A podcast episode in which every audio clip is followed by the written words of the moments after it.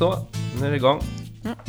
Hallå alla Mobility Lovers! Välkomna till eh, Mobility-podden, en podcast från Deloitte. Eh, Mitt namn är Christian Schwarz. Jag sitter här med min fantastiska poddkollega.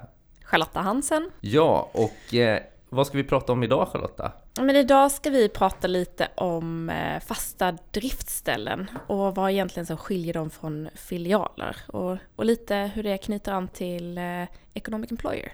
Ja, intressant. Och ingen gäst idag. Nej, det är du och jag. Det är vi helt enkelt. Vi är våra egna gäster i dagens avsnitt. Så att eh, vi får väl se om vi klarar av detta. Jag har good faith in you and me. Eh, vi har haft sommaruppehåll. Det har varit Vad- semester. Ja, vad har du hittat på i sommar? Jag har varit i Skagen och ätit god mat och druckit god öl. Mm, härligt. Mm, och du då? Jag har eh, köpt en skrotcykel på Blocket. Oj, oj, oj. Det låter spännande. Ja. Vad ska du göra med den? Eh, jag tänkte jag skulle eh, fixa den. Jag står med punka i cykelstället. Så Ja, det har inte hänt, till. hänt så mycket.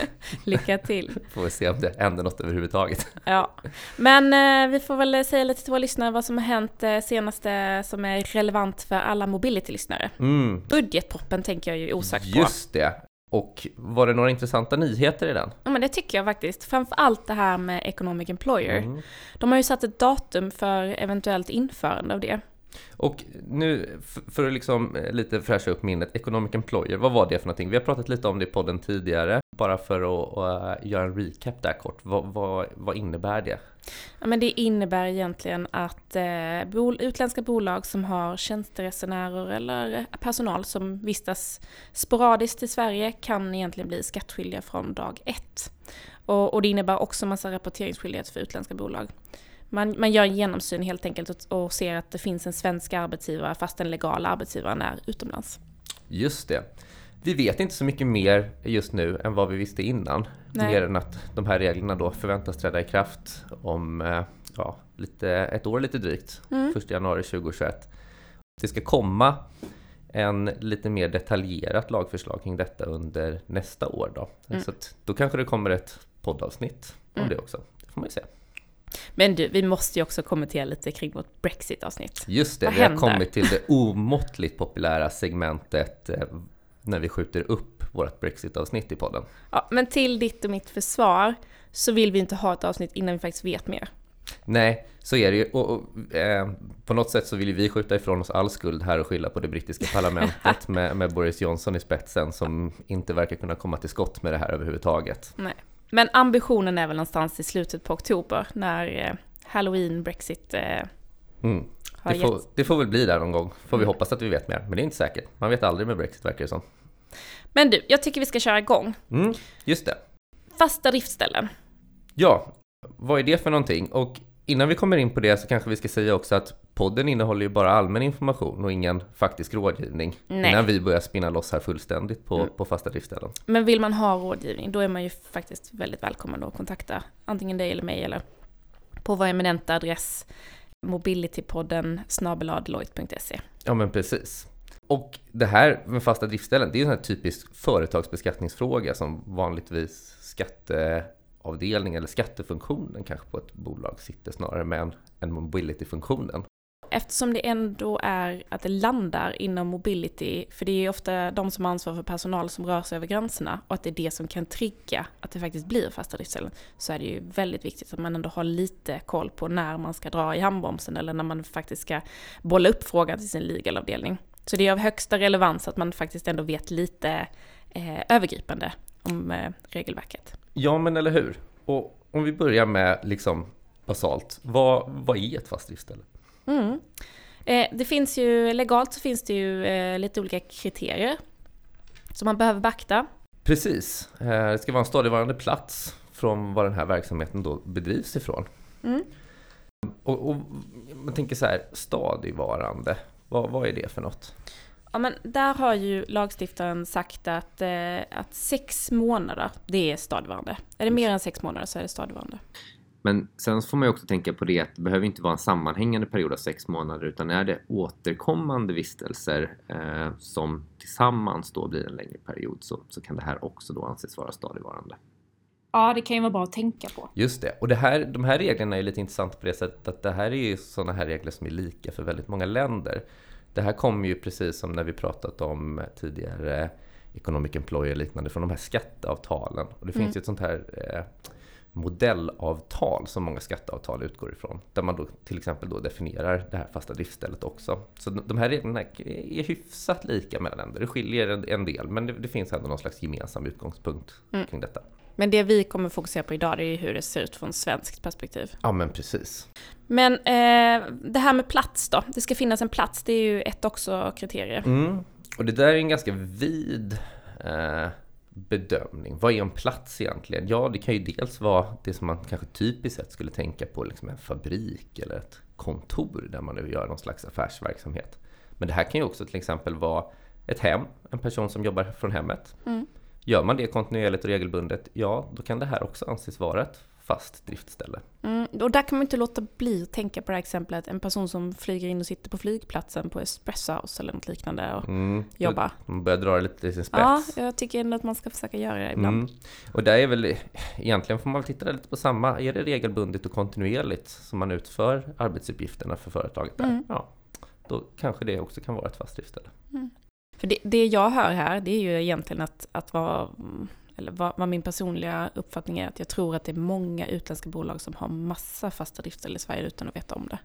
Jo, men så skulle det nog kunna vara. Ehm, och eh, det sista kriteriet där som man också behöver titta på, det är ju faktiskt vad, vad gör man i det här andra landet? För det här kokar in till att man har ett, ett bolag i utlandet som då utför någon verksamhet i Sverige. Vad, vad gör de i Sverige? Mm. Och det är väl där egentligen man går in och kollar på, är det att de bedriver någon typ av kärnverksamhet för det utländska bolaget i Sverige? Just det. Mm. Det kan liksom inte vara, eh, det, ska, det, är inte vilket arbete som helst som, som kan göra att man får ett fast istället, utan det ska vara då något arbete som ingår då i kärnverksamheten. Till exempel ledning av ett företag, det är typiskt något sätt som är en kärnverksamhet. Någon måste ju leda företaget. Och det är ju egentligen eh, rimligt, för det är ju någonting som egentligen varje bolag behöver. Ja men precis. Mm. Eh, och sen kan man då å andra sidan till exempel ha, ja men är det ett företag som kanske sonderar terrängen i ett annat land, ser är det här ett land vi ska etablera oss i, göra lite marknadsundersökningar? Mm. Ja, där kanske man mer handlar i att det här är någon förberedande verksamhet då, som, som kanske inte då skulle vara ett fastighetsställe. Mm. Men det är många gånger man får, får frågan att man har någon typ av eh, säljare som är anställd i det utländska bolaget som ska sälja in produkter från, från det utländska bolaget i Sverige på den svenska marknaden och gå in eh, eller ingå avtal med olika kunder. Mm. Och det är väl typiskt sett att gör man det regelbundet så finns det risk för ett fast driftställe.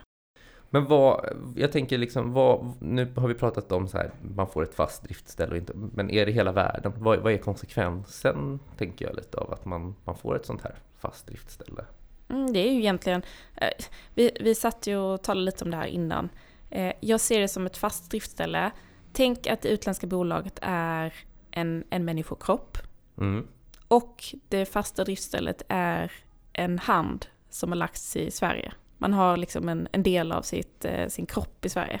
Ja, ja, men det är en ganska bra liknelse. Och då kan man ju, kommer man ju lite in på det här, ja, men om man då om vi fortsätter att hålla fast vid den här liknelsen, ja. det är en människokropp. Jag, jag, jag kan medge, det kanske inte var den bästa liknelsen, men, ja, men ja, vi spinner på. Vi, vi kör. Ja. Ehm, men om man tänker sig då kanske att man har ett dotterbolag i Sverige, det vill säga att den här människokroppen placerar ett av sina barn då i Sverige istället. Ja, den var ju lite speciell. Ja, men då kan man ju ha både sitt barn och sin hand i Sverige, det vill säga att man kan både ha ett dotterbolag och ett fast driftställe i, i Sverige. Det här det finns ingenting som hindrar det. Nej, men det jag vill, det jag vill, liksom vill lite belysa med det här, det är att det är ju en del av det utländska bolaget som befinner sig i Sverige. Det är ju inte en egen kropp så att säga, som det är Nej. om man har ett dotterbolag då. Precis, precis så är det Okej, nu har vi snackat eh, fast driftställe och eh, vilka kriterier man absolut ska titta på när man, när man ser om man har ett sånt. Men det är ju väldigt många bolag som har en filialstruktur. Mm. Vad är det här med filial? Kan du liksom eh, berätta lite för lyssnarna hur man ska ja, se att man har filial? Precis, det här är ju lite likt fast driftställe. Eh, men det är inte samma sak. Ett fast driftställe och en filial behöver nödvändigtvis inte vara samma sak. Man kan väl säga så här, har man registrerat en filial i Sverige, då har man ju typiskt sett också ett fast driftställe här. Men skillnaden är att ett fast driftställe, det är ett så skatterättsligt begrepp. Men filial, det är ett mer, vad ska man säga, ett, ett bolagsrättsligt begrepp. Det vill säga till exempel som ett, att man har ett aktiebolag eller att man har ett dotterbolag så kan man också registrera en filial. Mm. Och det ska man ju då göra om man bedriver verksamhet i Sverige också. Eh, om man är ett utländskt bolag. Så det kan egentligen vara så att i vissa fall har man ett fast driftställe i Sverige så ska man också registrera en filial. Precis, eh, om man då uppfyller eh, vissa då, eh, krav som då ställs upp eh, för att man ska ha registrerat en sån här filial. Mm. Men så kontentan egentligen om man ska säga till utländska bolag som har filialer i Sverige, det är att de typiskt sett också har ett fast driftställe i Sverige? Så ska man säga. Så att, vad heter det, då träffas man också av de här skattereglerna. Mm. Men vad betyder det då av att man har en, ett fast driftställe i Sverige? Vad, vad innebär det här för det utländska bolaget? Ja, ska vi då titta på det här lite från, vi är ju trots allt Mobility-podden, så vi får väl ta det här lite från ett mobilitetsperspektiv då. Mm, tycker jag. Ehm, och då återkommer vi lite till den här regeln som vi har pratat om innan i podden, 183 dagars regeln. När vi pratade om economic employerna, då är det också den här 183 dagars regeln vi är inne och tassar på. Och den här regeln säger som så här att är man en person som har en utländsk arbetsgivare och man då vistas i Sverige för arbete under en tidsperiod som understiger 183 dagar eh, under en 12 månaders period brukar man säga. Ibland så är det under ett kalenderår. Det här mm. beror lite på hur ett skatteavtalet ser ut, för det här är en bestämmelse som finns i skatteavtal. Och det här utländska arbetsgivaren inte har något fast driftställe i Sverige. Då så eh, kan man då bli undantagen från beskattning. Som anställd, som jobbar som, i Sverige. Som anställd, mm. precis. Så Men har... i tillägg till det Christian, så måste man ju också, vad man kallar hemvist utomlands, man måste ha sin permanenta bosättning och så vidare i, i sitt land där man är anställd, eller i varje fall utanför Sverige. Just det, så det är många saker man måste hålla mm. reda på här. Eh, men, men, precis som du säger, en förutsättning för detta är ju att man har så att säga sitt, sitt hemvist utomlands, så att man har mest anknytning eh, till ett annat land. Men jag känner, kan vi inte visualisera det här ännu mer? Vi, vi tar ett exempel. Det är ett mm. bolag som har en anställd. Vi säger att det är ifrån, eh, eh, vi kan ta Frankrike. Mm. Som ska åka på lite sporadiska tjänsteresor till Sverige var tionde dag, säger vi eller någonting. Yep. För att lära upp sig av någon ja, CFO vad gäller siffror och sådär. Ja, just det. Ja. Eh, och kvar familj, boende i Frankrike eh, kommer se till att man inte vistas mer än 183 dagar i Sverige under en, en eh, löpande 12 månaders period. Ja. Eh, och vi eh, säger också att all lön och sånt, det kommer den ju fortsättningsvis eh, eh, få från det franska bolaget. Mm. Om man tittar då på hur det ser ut i dagens regler så blir det ingen skatt i Sverige då? Nej, det skulle man säga, för då får vi gå igenom de här olika kriterierna vi har. Och då mm. är vi så, första, är det mer än 183 dagar? Nej, säger vi där. Mm. Eh, är det en utländsk arbetsgivare? Ja. ja. Det har vi slagit fast. Vi har en fransk arbetsgivare som betalar ut lönen. Och så kommer vi då till det tredje kriteriet, att den här ersättningen då som man får utbetalt, den får inte belasta ett fast driftställe som den här arbetsgivaren har i Sverige. Okej, för det skulle ju kunna vara så till exempel att, att eh, det franska bolaget tycker att det svenska eh, att någon i Sverige ska få ta kostnaderna för den här, att den här anställda åker ut och jobbar till exempel. Ja, och där hamnar man i det här. Först och främst så får vi titta på, finns det ett fast driftställe i Sverige? Mm. Finns det ett fast driftställe sedan tidigare? Eh, kan den här personen i sig själv utgöra ett fast driftställe? Nu skulle den här personen vara här ganska lite, så det kanske inte är så att det är stadigvarande, så att man kanske inte får ett fast driftställe på det sättet. Men man kan ju ha ett fast driftställe i Sverige sedan tidigare. Mm. Och då måste vi titta på det här, belast, ska, eller ska den här ersättningen då belasta det fasta driftstället? Och då pratar man inte om belasta i sig utan det rätteligen skulle ha belastat. Så det räcker inte med att man inte skulle ta den här kostnaden mm. i, i, filialen eller det fasta driftstället. Utan man måste titta på, skulle man egentligen ha tagit kostnaden här?